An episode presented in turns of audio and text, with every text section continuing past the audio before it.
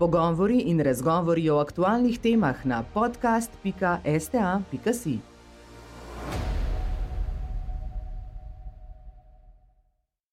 Lepo pozdravljeni na okrogli mizi STA kluba, ki jo tokrat organiziramo v sodelovanju z Nacionalnim inštitutom za javno zdravje.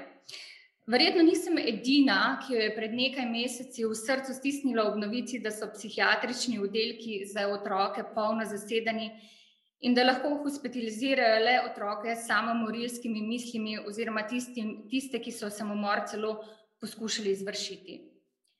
Duševne težave ljudi so pereča tema že dlje časa. Zdravstvena kriza v zadnjem letu in vse, kar je ta zdravstvena kriza sabo prinesla, pa je ta problem po eni strani poglobila, po drugi strani pa ga naplavila na površje. In to ne le med otroki, ampak tudi med odraslimi. Zato danes ta okrogla miza. Najprej bomo pogledali, kakšno je duševno zdravje prebivalstva in na to tudi, kakšne so možne in ponujene rešitve. Zlasti sistemske, da bi v prihodnje zagotovili, da bo za osebe z, duševnim, s težavami v duševnem zdravju bolje poskrbljeno. Zato danes v svoji družbi pozdravljam štiri odlične sogovornice. Uh, Jožica Malčec Zakotnik, specialistko družinske medicine in vodjo nacionalnega programa duševnega zdravja 2018-2028 programa Mira. Ob njej pa tri psihiatrinje, ki so bile močno upete v pripravo nacionalnega programa in zdaj tudi v njegovo uresničitev, implementacijo. Pozdravljeni Vesna Švab, specialistka psihiatrije, Marija Anderluh, specialistka otroške in mladinske psihiatrije, in Mojca Zvezdana Drnovšek, specialistka psihiatrije. Moje ime je Anja Gorenc, sem novinarka STA in bom moderirala to okroglo mizo. Pozdravljeni tudi vsi, ki nas gledate v živo. Um, vsi, ki um, imate morda kakšno vprašanje, um, nam ga lahko postavite oziroma zastavite preko e-mail naslova uh, sta klubafnaesta.si. Uh, če kar začnem z vami, uh, dr. Švabova, vi ste um, psihiatrinja, delujete na terenu, tudi ste pač predavateljica na uh, medicinski fakulteti. Uh, hkrati ste soustanoviteljica Slovenskega združenja za duševno zdravje Šent. Um, ka, če, če bi začeli s uh, na splošno s pregledom stanja. Uh, kako je epidemija COVID-a uh, in vse, kar je prinesla sabo, vplivala na duševno zdravje ljudi pri nas? Pa morda, če imate tudi kakšne podatke iz tujine. Torej, najlepša hvala za to priložnost, da povem uh, o tem, kaj danes vemo ne, o epidemiji COVID in njenih posledicah na duševno zdravje. Ne, tisto, kar vemo, je to, da je v lanskem letu, ko se je epidemija začela, ta občutek tesnobnosti, brezizhodnosti preplavil večino ljudi, verjetno več kot polovico, in da so ti občutki eh, nekega strahu, da bomo zboleli, da bomo okužili druge, seveda močno vplivali na naše življenje, vsaj v prvem valu epidemije, pa tudi kasneje, čeprav so se nekoliko zmanjšali. Zdaj, tisto, kar vemo, je tudi, da je ta začetni val strahu vplival na različne ljudi različno. Vemo, recimo, da so manj, manj tesnobni, manj prestrašeni, bili starejši ljudje z več izkušnjami, da pa je dosegla ta pogostost eh, strahu, ne, da bo kar konec, ne vem kaj, eh, bila veliko hujša pri mlajših ljudeh, kjer je dosegla v nekaterih državah, so merili tudi do 30% mladih ljudi.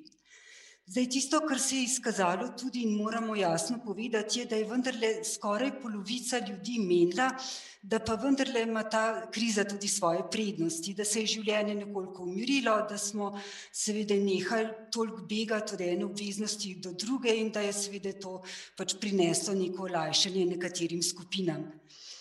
Da je druga stvar, ki bi jo rada podarila, je, da je treba v tej krizi vedno razmišljati na način, kdo je pravzaprav najbolj, najbolj ogrožen. In tisto, kar se je izkazalo in smo pogosto spregledali, je to, da so bili pogosto ogroženi, hudo ogroženi tudi ljudje, ki so delali na prvih linijah pomoči, to je zdravstveni delavci, um, reševalci, negovalci, vsi, ki so bili ob ljudeh za COVID-om, ki so imeli malo počitka in malo možnosti, da bi se razbremenili, ta skupina je prav gotovo potrebovala pomoč. Pomoč so potrebovali tudi skupine, ki so bile že prej odrinjene oziroma marginalizirane, to so ljudje z duševnimi motnjami, ki poleg tega, ne, da, niso, da se je njihovo stanje lahko bolj poslabšalo v teh kriznih razmerah, tudi niso imeli dostopa do pomoči, ki jo sicer, ki jim je bila sicer zagotovljena. In pa pomembna skupina, o kateri smo govorili v tem prostoru zelo malo, so ljudje, ki so preboleli covid, kaže se, da seveda posebej pri hudih oblikah bolezni lahko pride do dolgotrajnih posledic, tudi utrujenosti, kronične utrujenosti, težav pri funkcioniranju, kar je zelo hudo. Samo še besedo dovolite o pravicah, ki so bile kršene zaradi narave stvari v tem času. Vsi vemo, ne, da so bili številni ljudje v zavodih, v domovih za stare, v institucionalnih oblikah bivanja skrajno osamljeni, brez možnosti komunikacije, brez možnosti, da bi dobili tisto, kar potrebujejo vsi običajni ljudje v, v tem starostnem obdobju, da so bile skratka njihove, njihove pravice do komunikacije, do druženja globoko, globoko motene.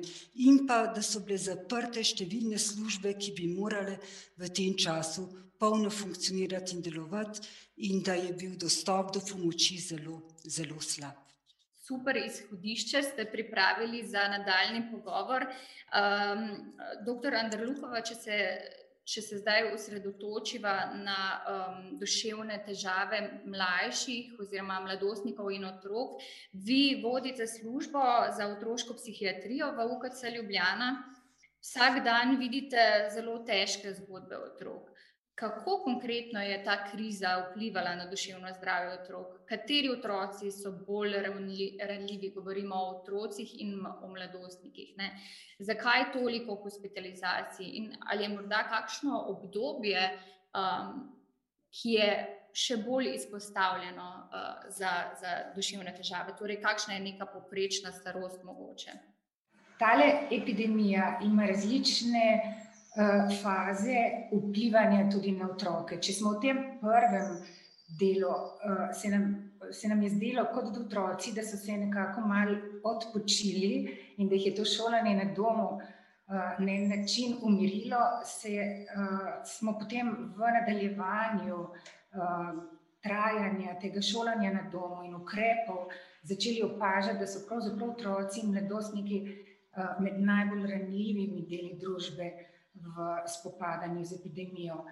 In v mesecih jesenskega šolanja na domu so se napetosti že začele stopnjevati. Pravzaprav smo že takoj, v samem začetku, opozarjali na otroke, ki živijo v družinah manj podpornih odnosov, oziroma družinah, ki se sami soočajo z mogoče konflikti med odraslimi, oziroma otroci z nasiljem. Potem se je pa zdelo, da se skupina otrok, ki so ogroženi, v resnici veča in veča.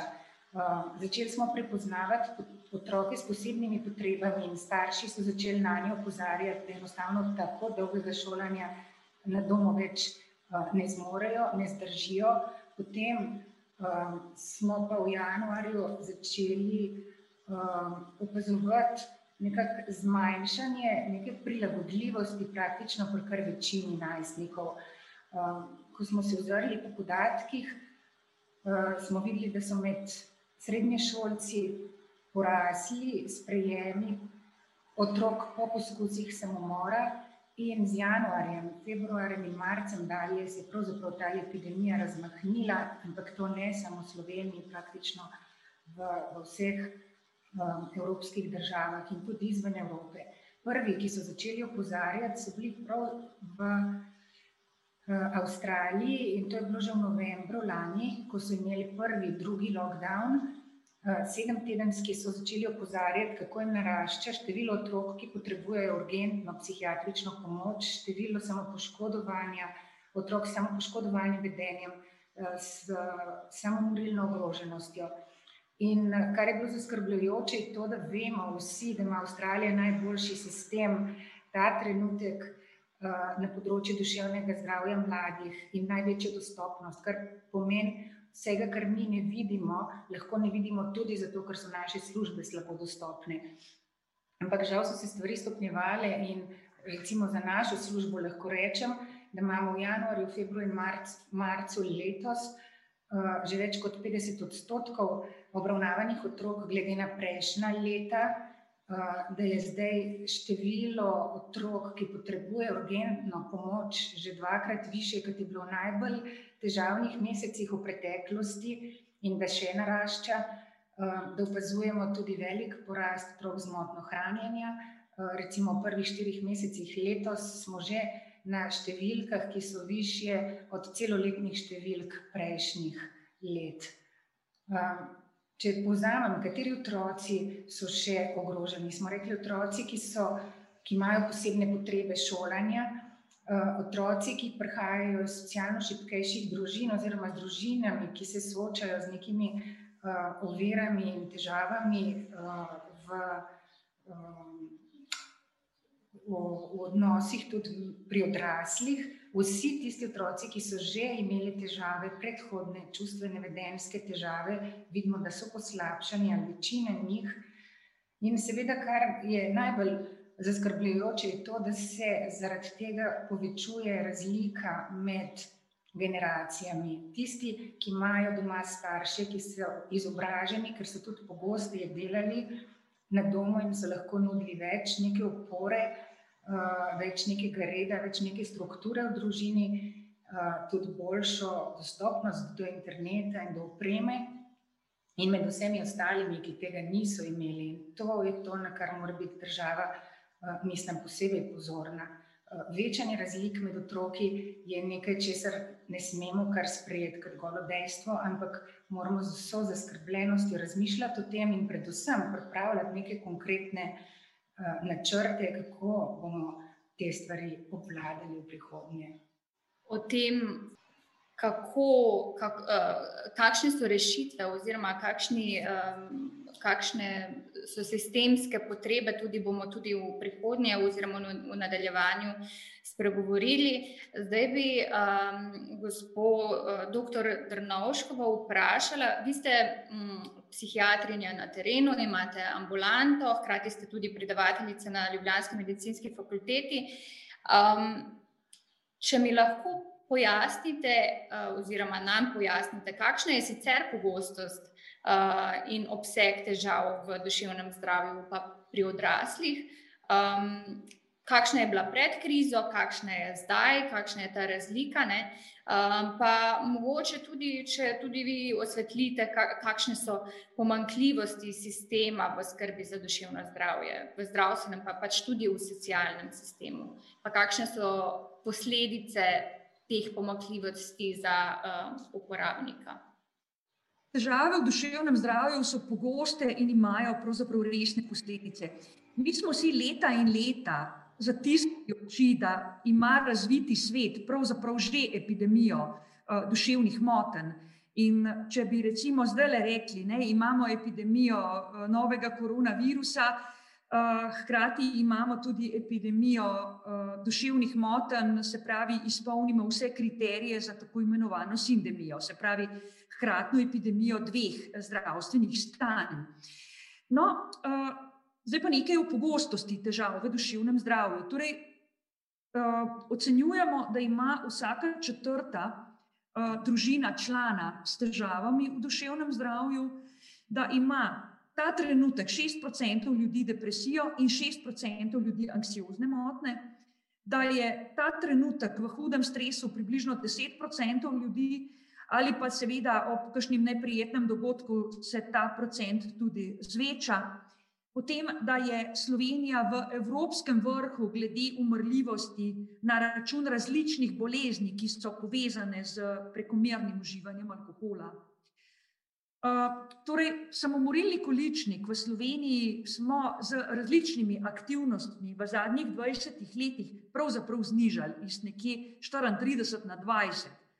Vendar pa tudi samomorilni količnik 20 na 100 tisoč prebivalcev nas še vedno uvršča v sam vrh Evropske unije. In uh, ne glede na to, da je Slovenija zelo, zelo majhna, pa imamo izjemno razliko med vzhodno in zahodno kohezijsko regijo, s tem, da je recimo v vzhodni regiji samomorilni količnik skoraj 24, medtem ko v zahodni 16. No, uh, duševne motnje so tudi tretji najpogostejši vzrok za bolniški stalež in staleži na račun depresije, stresnih motenj in anksioznih motenj še vedno naraščajo. Zdaj pa pogledajmo, kje je obravnava v dušev, eh, težav v duševnem zdravju še vedno pomankljiva. Namreč pomankljiva obravnava težav v duševnem zdravju se vleče zadnjih 30 let. Pravzaprav. Namreč še vedno imamo regionalno neenakomerno razporeditev služb, kar pomeni neenakomerno dostopnost do pomoči. Še vedno imamo hudo pomankanje strokovnjakov, in pa seveda iskanje pomoči je manjše, kot bi človek pravzaprav pričakoval, glede na pogostost težav v duševnem zdravju. No, in poglejmo si nekaj podatkov. Uh, torej, kaj imamo na voljo? Na, v zdravstvenem sistemu imamo od specialistične obravnave na voljo psihiatrične bolnišnice in oddelke, ki izvajajo tudi ambulantno in skupnostno obravnavo, potem imamo ambulante psihiatrične v zdravstvenih domovih in pa seveda koncesionarje. In v letu 2020 smo imeli vsega skupaj 215 specialistov psihiatrije, kar pomeni 12,8 na 100 tisoč prebivalcev. Vendar pa pogledajmo, kako so ti specialisti psihiatri razporejeni med posameznimi izvajalci. 134 jih dela v bolnišnicah, kar pomeni 8 na 100 tisoč prebivalcev. Potem imamo 37 jih je bilo koncesionarjev, kar pomeni 2,2 na 100 tisoč, in 44 je zaposlenih v zdravstvenih domovih, kar je 2,6 na 100 tisoč prebivalcev. Potem še bolj drastični pa so podatki za možnosti psihološke oblike pomoči. Namreč za vse prebivalce, se pravi, tako otroke, mladostnike in odrasle, ima, smo imeli v letu 2020 na voljo 96 specialistov klinične psihologije, kar je seveda izjemno, izjemno malo. In psihoterapevtska dejavnost je večinoma samoplačniška. No, v Sloveniji 2,1% prebivalstva poišče pomoč pri katerem koli strokovnjaku zaradi težav v duševnem zdravju. Povprečje v Evropski uniji je 5,3%. In če pogledamo, torej, kje smo, imamo pomankljivo, nezadostno in regionalno neenakomerno mrežo služb. Imamo izjemno dolge čakalne dobe, namesto da bi triažirali ljudi, glede na zdravstveno stanje in trenutne potrebe. Med službami uh, različnih sektorjev in ravni je pomankljivo sodelovanje. Obravnava ljudi je fragmentirana, namesto celostna in multidisciplinarna. Ljudje in s težavami v duševnem zdravju in njihove družine v domačem okolju nimajo zadostne podpore. In pa duševne motnje še vedno spremlja stigma, kar se pa tiče skrbi za duševno zdravje, pa imamo zelo nizko pismenost, se pravi sposobnost ljudi, da bi poskrbeli za svoje duševno zdravje. S tem bi jaz nehala deliti uh, in bi uh, vam povedala še uh, dva primera. Torej, duševne motnje so še vedno stigmatizirane in ljudje težave skrivajo in si med seboj ne predajajo informacij, kako do pomoči, kaj je na voljo, kaj je pomagalo.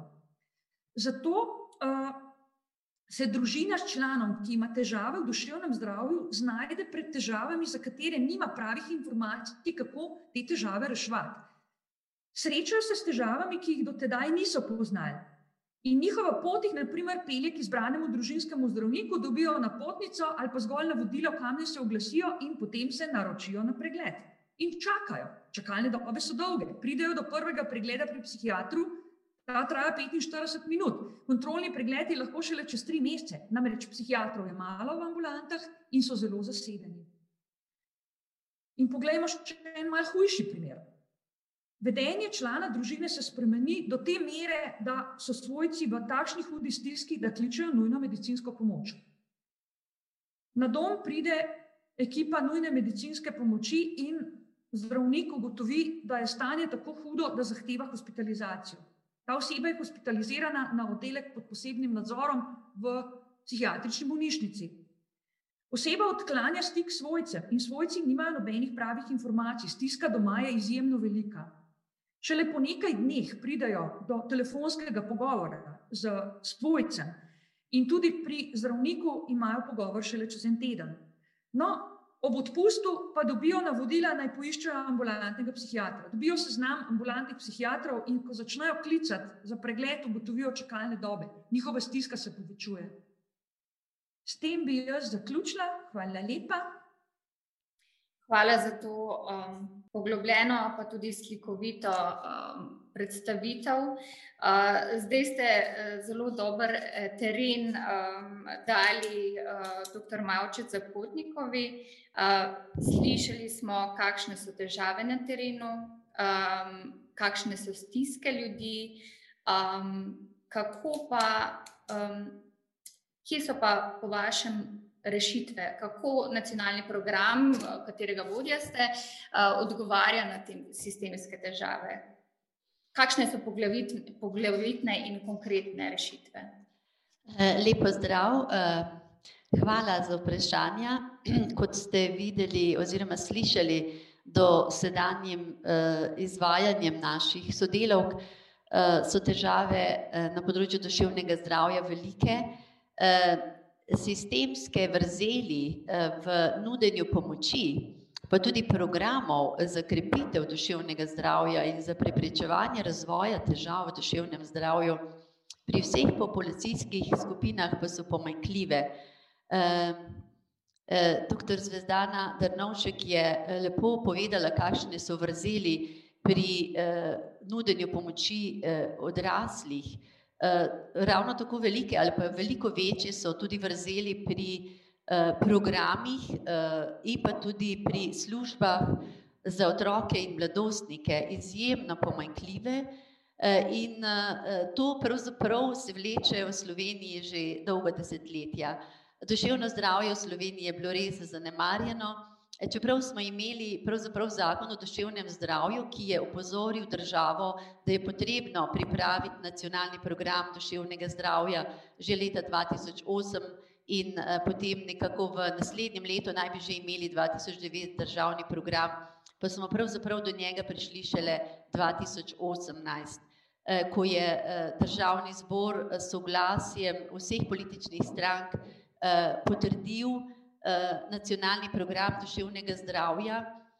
In eh, mislim, da imamo eh, izjemno napreden, modern, potrebam usklajen nacionalni program, eh, ki prvi strateški dokument, ki začrta dolgoročno skrb, desetletno skrb za razvoj, eh, skrbi za duševno zdravje, ker je izjemno pomembno, da je to medresorni, dokument, da to ni uh, zdravstveni dokument, uh, ampak da vključuje vse ključne resorje, uh, Ministrstvo za zdravje, Ministrstvo za delo, družino, socialne zadeve in Ministrstvo za izobraževanje, znanost in šport in pravzaprav uh, celotno vlado kliče k odgovornosti po odgovornem in načrtovanem ukrepanju. Uh, pomembno je, da ta dokument eh, pravzaprav uvaja tako imenovani skupnostni pristop v skrbi za duševno zdravje in da povezuje poleg resorjev tudi vse resorne eh, strokovne službe in druge deležnike v lokalnem okolju in kliče k sodelovanju, povezovanju v skrbi za duševno zdravje. Pomembno je, da uvaja se pravi proaktivni odnos v skrbi za duševno zdravje, eh, uvaja programe krepitve duševnega zdravja in podpornih okolij v različnih uh, okoljih, kjer se ljudje oziroma otroci, mladostniki šolajo in prebijajo veliko časa, se pravi v vzgojno-izobraževalnih ustanovah, na delovnih mestih, v lokalni skupnosti. Pomembno je to, da uvaja, uh, se pravi, te promocijske oziroma programe krepitve duševnega zdravja in preventive duševnih motenj eh, kot preverjeno učinkovite programe in tudi v Sloveniji že preverjene in dobro sprejete programe. Eh, moramo se zavedati, da mi rabimo v vseh sektorjih pravzaprav krepiti infrastrukturo, ki bo sposobna te programe izvajati, bodi si na področju krepitve duševnega zdravja, bodi si na področju nudenja pomoči, ko imajo že ljudje težave v duševnem zdravju. Torej tudi sektori, kot je šolstvo in izobraževanje, potrebuje ukrepiti svoje sisteme, svoje službe, šolsko svetovalno službo in jih hkrati opolnomočiti z znanjem in veščinami za izvajanje teh programov, ki lahko pomembno preprečijo nastanek težav v duševnem zdravju oziroma pomagajo otrokom v tem modernem svetu v dozorevanju, v pridobivanju čustvenih, socialnih veščin in ti programi podpirajo tako učitelje, profesorje, kot tudi šolske svetovalne službe. Seveda ti naš nacionalni program, kot sem že povedala, je medresorni in krepi tudi programe v socialnem sektorju za zaščito otrok, družine in pa tudi socialno-varstvene programe v lokalni skupnosti, ki potem v sodelovanju z drugimi sektorji pravzaprav vzpostavljajo pogoje za deinstitucionalizacijo in za skupnostno skrb v lokalnem okolju. Druga, druga pomembno težišče nacionalnega programa je, da se zavede naših pomanjkljivosti, naših vrzeli v sistemih nudenja pomoči in da sistematično in dolgoročno krepi, se pravi tudi sisteme skrbi za duševno zdravje v zdravstvu, sociali, kot šolstvu, kot sem povedala, se pravi v zdravstvenem sistemu dopolnjuje na eni strani manjkajoče službe, hkrati pa uvaja reformo oziroma prestrukturiranje služb, kot ste videli, kot je povedala Mojca Zvezdana, a ne, in mi, mi imamo pravzaprav institucionalizirano duševno zdravje. Večina skrbi se izvaja v bolnišnicah in je potrebno prestrukturiranje tako kadrov kot tudi programov uvesti, se pravi to dostopne službe, tako ambulantne kot skupnostne, na primarni ravni in v skupnosti. In zaradi tega, se pravi, zdravstveni sistem s tem nacionalnim programom uvaja v naslednjih letih mrežo centrov za duševno zdravje na področju otrok in mladostnikov, sedemindvajset in petindvajset centrov za duševno zdravje odraslih, ki pravzaprav uvajajo revolucijo oziroma pravzaprav reformo v nudenju pomoči. Izvajajo povezano, lokalno dostopno službo s triažo, z s povezovanjem z drugimi službami, tako v zdravstvenem sistemu, se pravi s pediatri, z družinskimi zdravniki, patronažno službo, kot tudi službami v v sociali in pa v šolskem sistemu in pa seveda tudi s temi dragocenimi nevladnimi organizacijami, ki izvajajo socialnovarstvene programe. Tudi se pravi, nacionalni program uvaja tudi mrežo tako imenovanih svetovalnih oziroma dopolnitev mreže svetovalnih centrov za otroke in mladostnike s specifičnimi učnimi težavami s svojo regijsko razporejenostjo, s tem z večjo dostopnostjo in pa, kot sem že povedala, dopolnitev tudi teh socialnovarstvenih programov. Zelo pomembno je, da se nacionalni program pač zaveda, da je majhna pismenost, kot je že povedala Mojca, in pa velika stigma, zato so načrtovani tudi sistematični in organizirani programi za povečevanje pismenosti zdravstvene na področju duševnega zdravja za laično javnost kot tudi za strokovnjake, se pravi s programi opolnomočenja strokovnjakov, ki se ukvarjajo s populacijami tako v šolskem sistemu, zdravstvenem in socialnem sistemu. In pa seveda tudi dopolnitve kurikulumov že dodiplomskega in pa seveda podiplomskega izobraževanja. Seveda pa, kot ste videli, je vrzeli zelo veliko, zanemarjeno področje, se pravi pomanjkanje specialistov na področju duševnega zdravja, šestindevetdeset specialistov klinične psihologije imamo, kar predstavlja samo štiri cele šest klinična psihologa na sto tisoč prebivalcev, kar je res tako rekoč nekako nas je lahko kar sram s s takimi številkami, s tako slabo dostopnostjo. Nekako standard ki smo si ga postavili, je pa 15 kliničnih psihologov na 100 tisoč prebivalcev, se pravi, da imamo samo eno tretjino potrebnih kliničnih psihologov. Prav tako eh, veliko, veliko pomanjkanje eh, specialistov na področju otroške in mladostniške psihiatrije. Eh, in pa seveda tudi pomanjkanje ustrezne zakonodaje, ker je seveda cilj nacionalnega programa bil že v prvem akcijskem načrtu, Eh, od 18 do, do 20, da bi se pripravila zakonodaja na področju psihoterapije in s tem omogočila večjo dostopnost uh, za, za vso populacijo uh, in pa seveda vsa druga potrebna zakonodaja za sistemsko financiranje kliničnih psihologov, ki so zdaj uh, seveda financirani njihova specializacija strani izvajalcev in zaradi tega tudi premalo interesa in pa neustrezna mreža v, v sistemu. Tako da nacionalni program pravzaprav ponuja sistemski odgovor na potrebe in na vrzeli. In nažalost moram reči, ampak mogoče to kasneje povemo, kako kako, kakšno podporo imamo in pa kako smo bili uspešni. Ampak edina rešitev je, da se sistemsko in sistematično lotimo, pravzaprav zapolnjevati vrzeli, hkrati pa pravzaprav odgovorimo na te akutne potrebe, ki so, kot ste sami na začetku povedali, na eni strani se poglobile in hkrati zdaj tudi naplavile. Hvala. Hvala.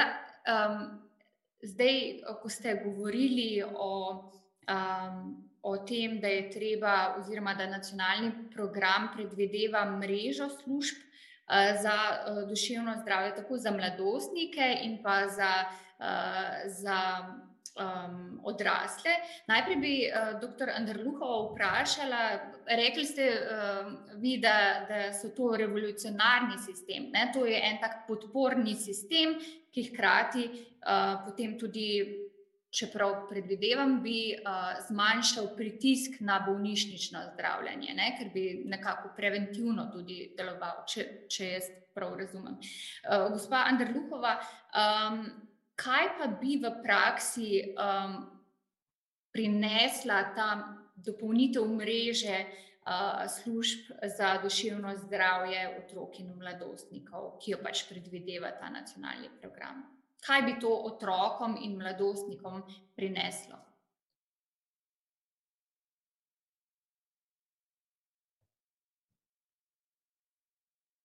Mikrofon, Marija. Mikrofon, vas bomo bolje slišali. Ja. Epidemija uh, se nam je zgodila v trenutku, ko naše službe, strokovne službe, niso uh, ustrezno dostopne. Čakalne dobe, šest mesecev ali pa eno leto in več, uh, so popolnoma nesprejemljive. Jaz mislim, da ni nobene druge bolezni uh, v otroštvu, ki ne bi dobila, uh, kljub temu, da dela dolgoročne posledice neke pravočasne pomoči in da so duševne motnje ostale um, zanemarjene v našem sistemu. Hkrati ob tem, da vemo, kako pomembne so ne samo za dolgoročno duševno, ampak zdaj vemo tudi za dolgoročno telesno zdravje populacije. Uh, skratka, znašli smo se v trenutku, ko vzpostavljamo sistem, ki pa seveda še zdaleč uh, ne deluje in uh, ni ni prišel do nekih, eh, do nekih opolnomočen, ki jih predvideva nacionalni program. Mi smo v začetku aprila eh, razširjeni strokovni kolegi za otroško medosniško psihiatrijo eh, opozorili odgovorni na ministrstvo, s kakšnimi stiskami se srečujemo in te stiske še kar trajajo. Se je pa ministrstvo odzvalo nemudoma in smo začeli iskati rešitve, seveda za gašenje požara. Tako da zdaj nekako iščemo prostore, urejamo prostore, eh, iščemo kadre, ki bi lahko eh, pomagali nasloviti zdaj tole urgentno situacijo v naših bolnišničnih kapacitetah. Žal, ne, širjenje bolnišničnih kapacitet nikakor ne more biti odgovor na, na uh, nastalo situacijo. Mi potrebujemo vzpostavitev mreže na, na primarni ravni in še več kot to. Uh, trdno verjamem, da moramo iti po sledeh ostalih razvitih držav v zadnjih letih, ki prenašajo koncept skrbi, podpore duševnega zdravja tja, kjer otroci so. In mi moramo začeti o tem govoriti uh, v okviru vzgojno-izobraževalnih inštitucij. Tam imamo vse otroke. Slišali ste, samo 2% odraslih pride po pomoč. Tudi na otrocih ni več boljš. Hkrati pa vemo, kako pogoste so motnje. Eh, pri nas teh podatkov, seveda, epidemioloških nimamo, ker smo premajhni, ampak lahko si pa pomagamo s tem, recimo, kar ugotavljajo v Združenem kraljestvu, kjer imajo raziskovanje zelo močno. In oni poročajo, v vsakem razredu s 30 otroki so štirje z duševno motno, je en otrok, ki je najverjetneje izgubil starša, je sedem otrok, ki so žrtev medvrstniškega nasilja in je pet otrok, ki se samo poškodujejo ta dimenzija patologije nikakor ne more biti naslovljena samo zdravstveno. Uh, ampak pomeni, da mogoče nas je ta epidemija malo hitreje pripeljala do te točke in je lahko tudi to en dober, ena dobra uh, posledica stisk, s katerimi se soočamo, da se bomo uh, začeli pogovarjati aktivno in skupaj. Ne, zdravstvo, šolstvo, uh, moramo začeti govoriti skupni jezik tudi na tem področju. Zdravstveni sistem potreb, ki jih imajo otroci, ne more nasloviti. Sam lahko naslovi pri tistih, ki so res stopnjevani in najtežje poškodovani, ampak težav je tako veliko, da jih je potrebno nagovoriti oziroma nasloviti. O duševnem zdravju je potrebno začeti govoriti v vrtcih in šolah. Eh, seveda na različne načine. In eh, v eh, Združenem kraljestvu so prav zdaj, v času epidemije, pohitrili, pospešili širjenje mreže tako imenovanih mentally healthy schools, ne duševno zdrave šole. Jaz, kot starš, lahko rečem, če bi imela to možnost zbirati, bi gotovo takoj dala svoje otroke v tako šolo. To pomeni, to je šola, ki naziva celostno mojega otroka, a ne vse njegove potrebe, njegovo socializacijo, podporo njegovemu počutju, njegovemu duševnemu zdravju, dobremu prepoznavanju vseh ovir, ki jih otroci imajo, in nekemu pozitivnemu pristopu, s katerim rešujejo in gradijo, ne, da se ne ukvarjamo potem z nekimi. Sekundarnimi posledicami, zdaj govorim recimo lahko že o majhnih stvarih, to so otroci s specifičnimi učnimi težavami, ki jih eh, bi lahko hitreje in boljše prepoznavali. Otroci z hiperkinetično motnjo, ki se veliko krat zgodijo, da pridejo po poskusih samomora k nam in potem mi lupimo kot čebulo, da ugotovimo, da v osnovi je to en otrok s hiperkinetično motnjo, ki ima te težave, vidne že iz vrtca, ampak enostavno zaradi premalo znanja, resursov niso bile naslovljene, dokler niso pripeljale do čustvenih motenj ali pa do problematičnega vedenja in potem um, do drugih posledic. Uh, vsekakor mislim, da je, uh, da je res čas, da o duševnem zdravju spregovorimo na en pozitiven način, da začnemo videti to kot vrednoto in da uh, skupaj razmišljamo uh, o realnosti, iz katere izhajamo. Uh, zelo pomembno je, da bi tudi dejansko Ministrstvo za izobraževanje prepoznalo te potrebe otrok in trenutne v času epidemije, in sicer, ki se nam dogajajo v zadnjih desetih letih, um, da začnemo govoriti o konkretnih, najprej problemih, prepoznavi problemov. Mislim, da imamo že tukaj manj težave, da se zdi, da govorimo o dveh različnih svetovih, ne mi, ki opozarjamo, da otroci niso v redu in da nimajo naslovljenih vseh svojih potreb. Um, Lahko povem, da zdaj v tem času zelo veliko govorijo o svojih problemih otroci sami in jaz sem tega zelo vesela. To so skrajnosti, da se dijaki, da se študenti oglašajo, ampak dajmo jih slišati. Zelo pomembno je, da jih slišimo, da o tem začenjajo govoriti tudi učitelji in tudi šolski svetovalni delavci. Društvo šolsko svetovalnih delavcev začenja zelo konkretno opozarjati na izzive, na potrebe, na to, da potrebujejo konkretne Eh, načrte, načine, programe, kako bodo pomagali eh, najprej vzpostaviti zdaj neko normalo v šolah, a ne potem pa tudi vnaprej eh, krepiti celosten vidik odraščanja. če uh, smem biti tudi jaz delila samo en graf um, za ilustracijo tega, kar govorim. Prej smo govorili o razslojevanju otrok in o tem, da mora biti v interesu države, da tega ne dovolimo ne, in da to preprečujemo, aktivno preprečujemo.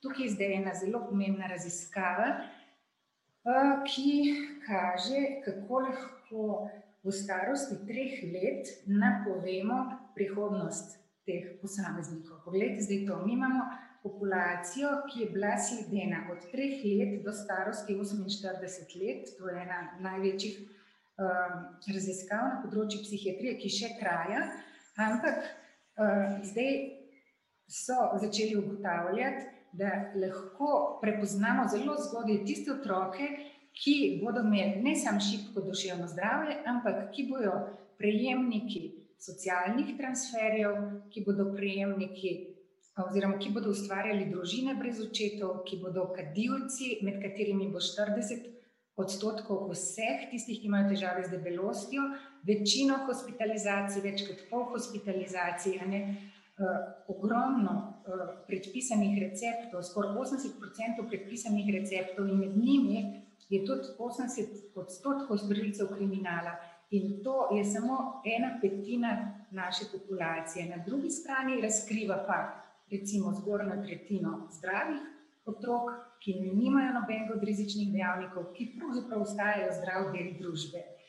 In to so podatki, eh, ki jih moramo in ki jih lahko naslovimo samo skupaj kot družba kdo so ti otroci, kako jih bomo prepoznali in kakšne programe lahko nudimo, da naslovimo in da preprečimo tak izid, kot ga tukaj vidimo. Eh, trdno sem pripričana, da mora biti to eh, skupna, eh, skupno delovanje vse družbe in to pomeni, začeti moramo zgodaj, moramo razmišljati o preventivi, o intervencijah, ki jih bomo počeli, preden bodo težave. To spet pomeni sodelovati z zdravstvom in šolstvom. Mi imamo v šoli vse te otroke, a ne do zdravstva pride pa mogoče par odstotkov.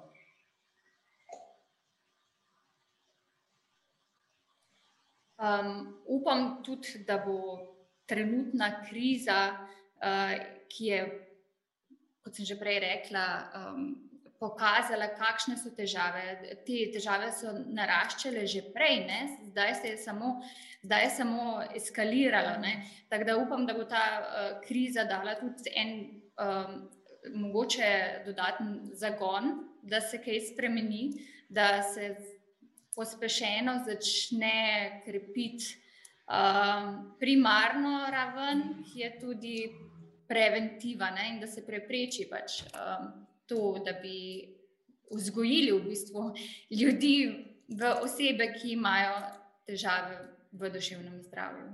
Um, gospa uh, dr. Drnovškova, kaj pa ta dopolnitev uh, služb, um, dopolnitev mreže služb za duševno zdravje, um, kaj to pomeni za odrasle? Uh, kaj so te ključne značilnosti in poudarki mreže centrov za duševno zdravje odraslih. Pa uh, prej ste bili zelo slikoviti, pa dajte še zdaj en uh, primer dobre prakse predstaviti, prosim. Ja, jaz si bom spet pomagala z dvema prosojnicama, da bo tole lažje uh, spremljati. Evo, takole. Uh, no. Torej, poglejmo si, kaj nam prinaša, uh, kaj nam prinaša uh, nacionalni program duševnega zdravja, program mira na ravni služb uh, zdravstvenega sektorja. No, uh, zdaj, uh, načrtovali smo pravzaprav uh, ustanovitev dopolnilne zdravstvene dejavnosti, Eh, na primarni ravni.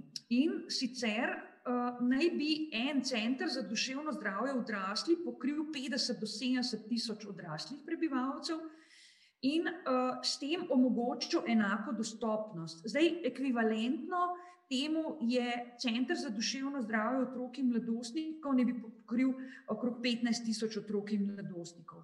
Zdaj, kaj ti centri prinašajo? Torej, gre za to, da je v teh centrih omogočena multidisciplinarna in celostna obravnava, kar je bistveno.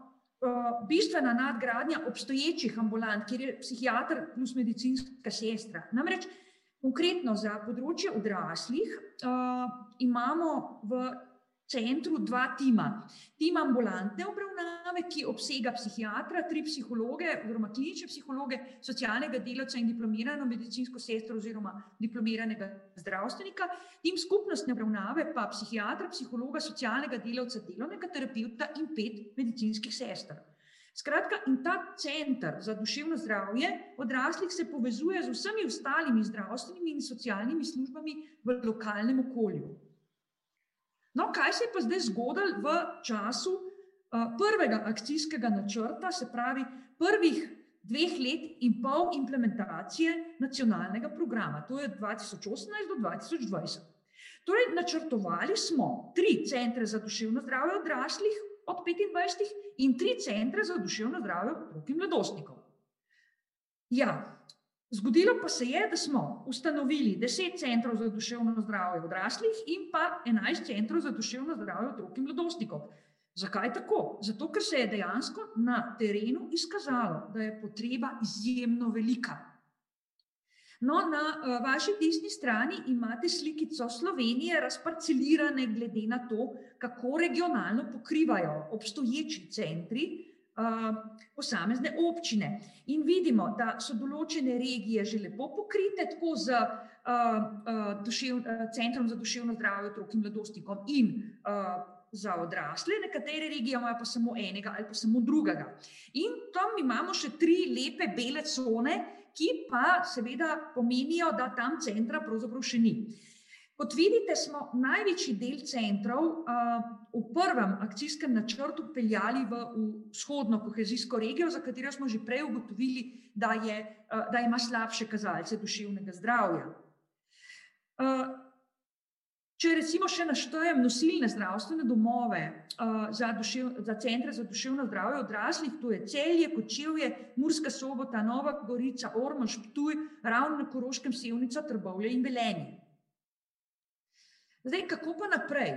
Seveda, mi smo smatrali, da bomo teh 25 in 26 centrov vzpostavljali postopoma v naslednjih pač, v desetih letih, kolikor je pač uh, nacionalni program uh, uh, opredeljen. Vendar pa krizne razmere dejansko narekujejo hitrejše vzpostavljanje mreže centrov za duševno zdravje. Zakaj? Poglejte, tudi slepcu bi, bi bilo zdaj jasno, da pravzaprav je se je v epidemiji izjemno dobro obnesel ravno primar. In to ne glede na to, da je kadrovsko šibek, in vendar pa očitno ga sestavljajo uh, ljudje, ki so srčni in ki uh, si želijo opravljati svoje poslanstvo. Po drugi strani pa je dejansko epidemija manj prizadela primarno raven, namreč ambulantna in skupna varnostna obravnava, sta organizirani tako, da pravzaprav nikoli ne zapreš celega zdravstvenega doma. Za razliko, seveda, od bolnišnic, ki so pa na epidemijo bistveno bolj ranljive, je seveda primarna raven manj ranljiva za epidemijo. No, zdaj pa pogledajmo, kaj pravzaprav nudijo centri za duševno zdravje. Poglejte, v polni sestavi, ne, se pravi, da bi mi imeli poln tim, uh, kar je seveda možno doseči, seveda ne ta trenutek in tudi ni fair, da se nam zdaj očita, da, duše, da centri duševno zdravje ne funkcionirajo tako, kot je potrebno. Vse vendar funkcionirajo z minimalnimi timi, vendar pa tudi z minimalnimi timi opravijo zelo, zelo veliko dela. No, če bi imeli mi polno, poln tim, bi nekje, pač ocenjujemo, v uh, skupnostni obravnavi na letni ravni oskrbeli 300 oseb, s težavami v duševnem zdravju, v ambulantni obravnavi pa nekje 300 do 600, lahko tudi več, ampak nekje smo nekako cenili, kakšna je realna številka. Ali, če bi recimo konkretno imeli vseh 25 centrov za duševno zdravje odraslih, bi v skupnostni obravnavi na letni ravni oskrbeli 7500 ljudi, v ambulantni pa med 7500 do 15000 ljudi. Ali v skupnostni in v ambulantni obravnavi skupaj nekje med 15000 do 22500 ljudi. In jaz vam res zagotavljam, da s tem ne bi imeli več dneva čakalne dobe za obravnavo uh, odraslih s težavami v duševnem zdravju. Kole. Zdaj pa bi ponazorila tole svoje izvajanje še z dvema primeroma. Skratka, gre za to, da imamo mi nadgrajen interdisciplinarni tim v Centru za duševno zdravje odraslih in popolnoma nov koncept dela v teh centrih. In s tem, seveda, mi nudimo celostno povezano obravnavo oseb s težavami v duševnem zdravju. In poglejmo, recimo oseba s težavami v duševnem zdravju se pogovori z izbranim splošnim zdravnikom in ta ga napoti v Center za duševno zdravje odraslih, kjer ga sprejme diplomirana medicinska sestra. Napotnice ne potrebuje, ne rab se naročati po e-zdravju, pa iskati, recimo, kdo ga bo vzel, kar pomeni, da osebo razbremenimo, hkrati pa razbremenimo tudi izbranega splošnega zdravnika oziroma družinskega zdravnika. No, v tem pogovoru medicinska sestra ugotovi, da ima ta oseba depresivno razpoloženje, da doživlja stisko zaradi izgube službe, da pogosteje zlorablja alkohol in da je že izbrani splošni zdravnik predpisal antidepresive. Oceni, da je pač kakšno stanje je in naroči to osebo naslednji teden na pregled psihiatru.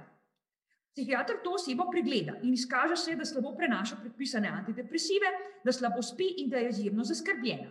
Dogovorita se za menjavo zdravila in tudi, da bo oseba obiskala socialno delovko in se tudi vključila v redne posvetovalne pogovore k psihologu.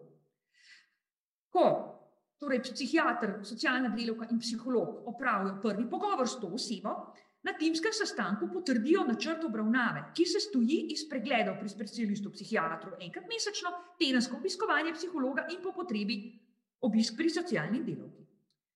Oseba obiskuje psihologa in psiholog že po dveh tednih ugotovi, da se stanje slabša. Na timskem sestanku se posvetuje s psihiatrom in oseba je takoj napotena na kontrolni pregled psihiatru, zato da ne čaka, ker vendar očitno stanje ni v redu. Sledi menjava zdravila in ponovno obiskovanje psihologa. Oseba je zelo v hudi stiski, večkrat tedensko se obrne na medicinsko sestro, s katero govori po telefonu. Po mesecu dni takšne intenzivne obravnave je stanje že boljše, kriza je mimo. Na pregledu pri psihologu je potem samo dvakrat mesečno, na to enkrat mesečno in po štirih mesecih je stanje stabilno, zato se zdravljenje lahko nadaljuje pri izbranem splošnem zdravniku. To pomeni, da zaradi takojšnje multidisciplinarne obravnave, ki je bila prvi mesec zelo intenzivna, se stanje osebe hitro izboljša. Taka obravnava ni fragmentirana, ni prihajalo do zastojev, zaradi katerih bi oseba čakala na preglede med strokovnjaki. Za te preglede med strokovnjaki si ne rabila sama dogovarjati, ker je pravzaprav dobila termin uh, v sami multidisciplinarni obravnavi. Dobila je psihološko podporo ob zdravljenju za zdravili. Tim je med seboj komuniciral, osebi je prehranil v pot, predvsem pa nepotrebno čakanje. Usklajene informacije strani tima osebe niso zbegale in pohvala, ki jo je ta oseba izrekla na koncu, je bila povezana z dostopnostjo. Ta oseba je namreč rekla, namreč tukaj prikazujem en realen problem, ki sem ga, uh, realen primer, ki sem ga seveda uh, anonimizirala. Ta oseba nam je rekla naslednje. Najbolj je pomagalo, da ste dvignili telefon, ko sem bila prvi mesec v hudi stiski. In zdaj pogledamo še drugi primer, ta je krajši. Oseba je bila odpuščena iz psihiatrične bolnišnice, kjer je bila prvič in dobila je navodila, da se vključi v ambulantno obravnavo. Znašla se je pred neznanim. Le kje se, zna, le kje se nahajajo ambulantni psihiatri, kje naj jih najdem. Na to je ugotovila, da v sosednjem zdravstvenem domu deluje center za duševno zdravje odraslih. Poklicala je in oglasila se je medicinska sestra, ki je ugotovila, da je oseba odpuščena iz bolnišnice in da ima zdravila še za približno 14 dni. Na pregled k psihiatru je prišla čez deset dni. Psihiatrom se je dogovorila, da bo na kontrole preglede hodila vsak mesec, obiskala bo še psihologa in socialno delovko. Po vseh treh pregledih je tim na sestanku potrdil načrt obravnave, ki je obiskovanje psihiatra in mora biti namenjava zdravila iz tablet v mesečne injekcije, ter obiskovanje socialne delovke, da se prične urejati socialne težave. Za psihološko podporo se oseba še ni odločila. Svojci so se vključili v podporno skupino svojcev oseb s psihozom.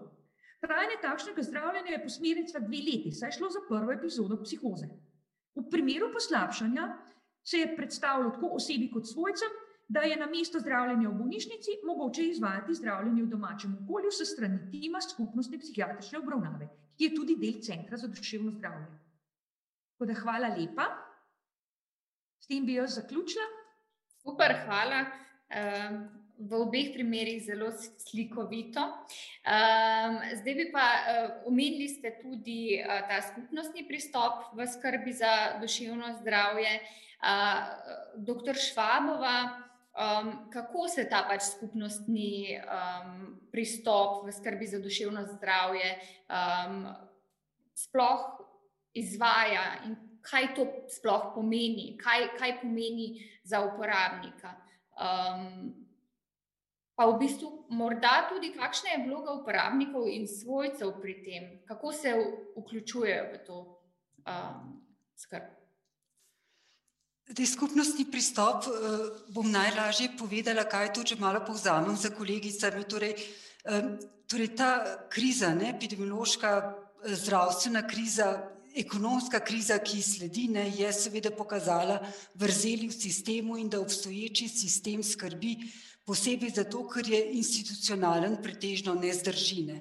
Da ne samo, da ljudje mislim, ne grejo v bolnice, nočejo v bolnicah se zdraviti, ampak da želijo, da se jim pomaga doma. Ne. Tudi seveda institucije so se izkazale za smrtonosne zanke, kar se tiče infekcije z, z COVID-om, kar je dodaten razlog, zaradi česar Združeni narodi in druge organizacije danes ostro priporočajo, da se pristopi po bližnjici, ne, k deinstitucionalizaciji in prenosu skrbi na primarno raven obravnave, oziroma da se čim več dela, ne vsega verjetno, ne, ampak da se čim več dela opravi na primarni ravni. Torej gre za to, da se morajo skupnosti pristop pomeni, da se povežejo službe na lokalnem nivoju in delujejo skupaj na ta način, da seveda to, kar je Marija povedala, preprečujejo seveda skupaj eh, to, da bi prišlo do težav, ampak hkrati pa tudi odgovarjajo pravočasno in hitro na potrebe ljudi, ki so v lokalnem okolju. To pomeni, da morajo slišati potrebe. Ne? Če tudi jaz nadaljujem z primerom, ne, če me pokliče gospa ne, za svojim, uh, ki ima otroka v, uh, z nekimi razvojnimi težavami, že odraslega in reče: Veste kaj, zdaj jaz vidim, da je ta moj sin v hudi stiski in da. Uh, in, da, in sem poklicala že na več koncev, pa so mi povsod rekli, ne, da je, da je uh, Eh, treba nekaj narediti, no, ampak da zdaj oni niso še dosegljivi, ne so rekli, da se obrnemo na vas, torej mi se odzovemo v takem primeru takoj, pokličemo, stopimo do te mame in do tega odraslega otroka in poskušamo narediti. Torej, to je skupnostni pristop. Skupnostni pristop pomeni, da delujemo skupaj in da se tudi povežemo, da tega ne delamo sami. Ne, torej, ne gre samo za Centr za duševno zdravje. Centr za duševno zdravje je centr lahko samo v primeru, če je tesno povezan z drugimi službami v sektorju in če jih jemlje resno in če posluša ljudi. Ne. Da je to, kar pravijo, kar pravite, ali so uporabniki zares v, središčni del ne, tega sistema, je ključen element pomoči, na katerega upozarja tudi komisarka Evrope ne, za človekove pravice. Tisto, kar je COVID razgalil, ni razgalil samo tega, da ljudje nimajo ustreznega dostopa do pomoči, ampak tudi, da jih nihče ne posluša, ne vzame resno ali pa da jih veliko služb ne jemlje resno. In da morajo biti, tisto, kar nam pravijo iz Evrope in kar je treba res implementirati tudi v našo, v našo, naše delo, je to, da ne bomo se samo posvetovali z njimi, ampak da jih bomo v vsakem posamičnem primeru ne, poslušali in jih uh, jemali za sodelavce. To je skupnostni pristop, da seveda vzamete ljudi kot uh, enakopravne sodelavce v obravnavi. Združeni uh, narodi pravijo, treba je vzpostaviti ne samo centr za duševno zdravje, ne samo primarno raven, ampak neko široko mrežo medsebojne povezane pomoči, zato da bomo lahko odgovorili.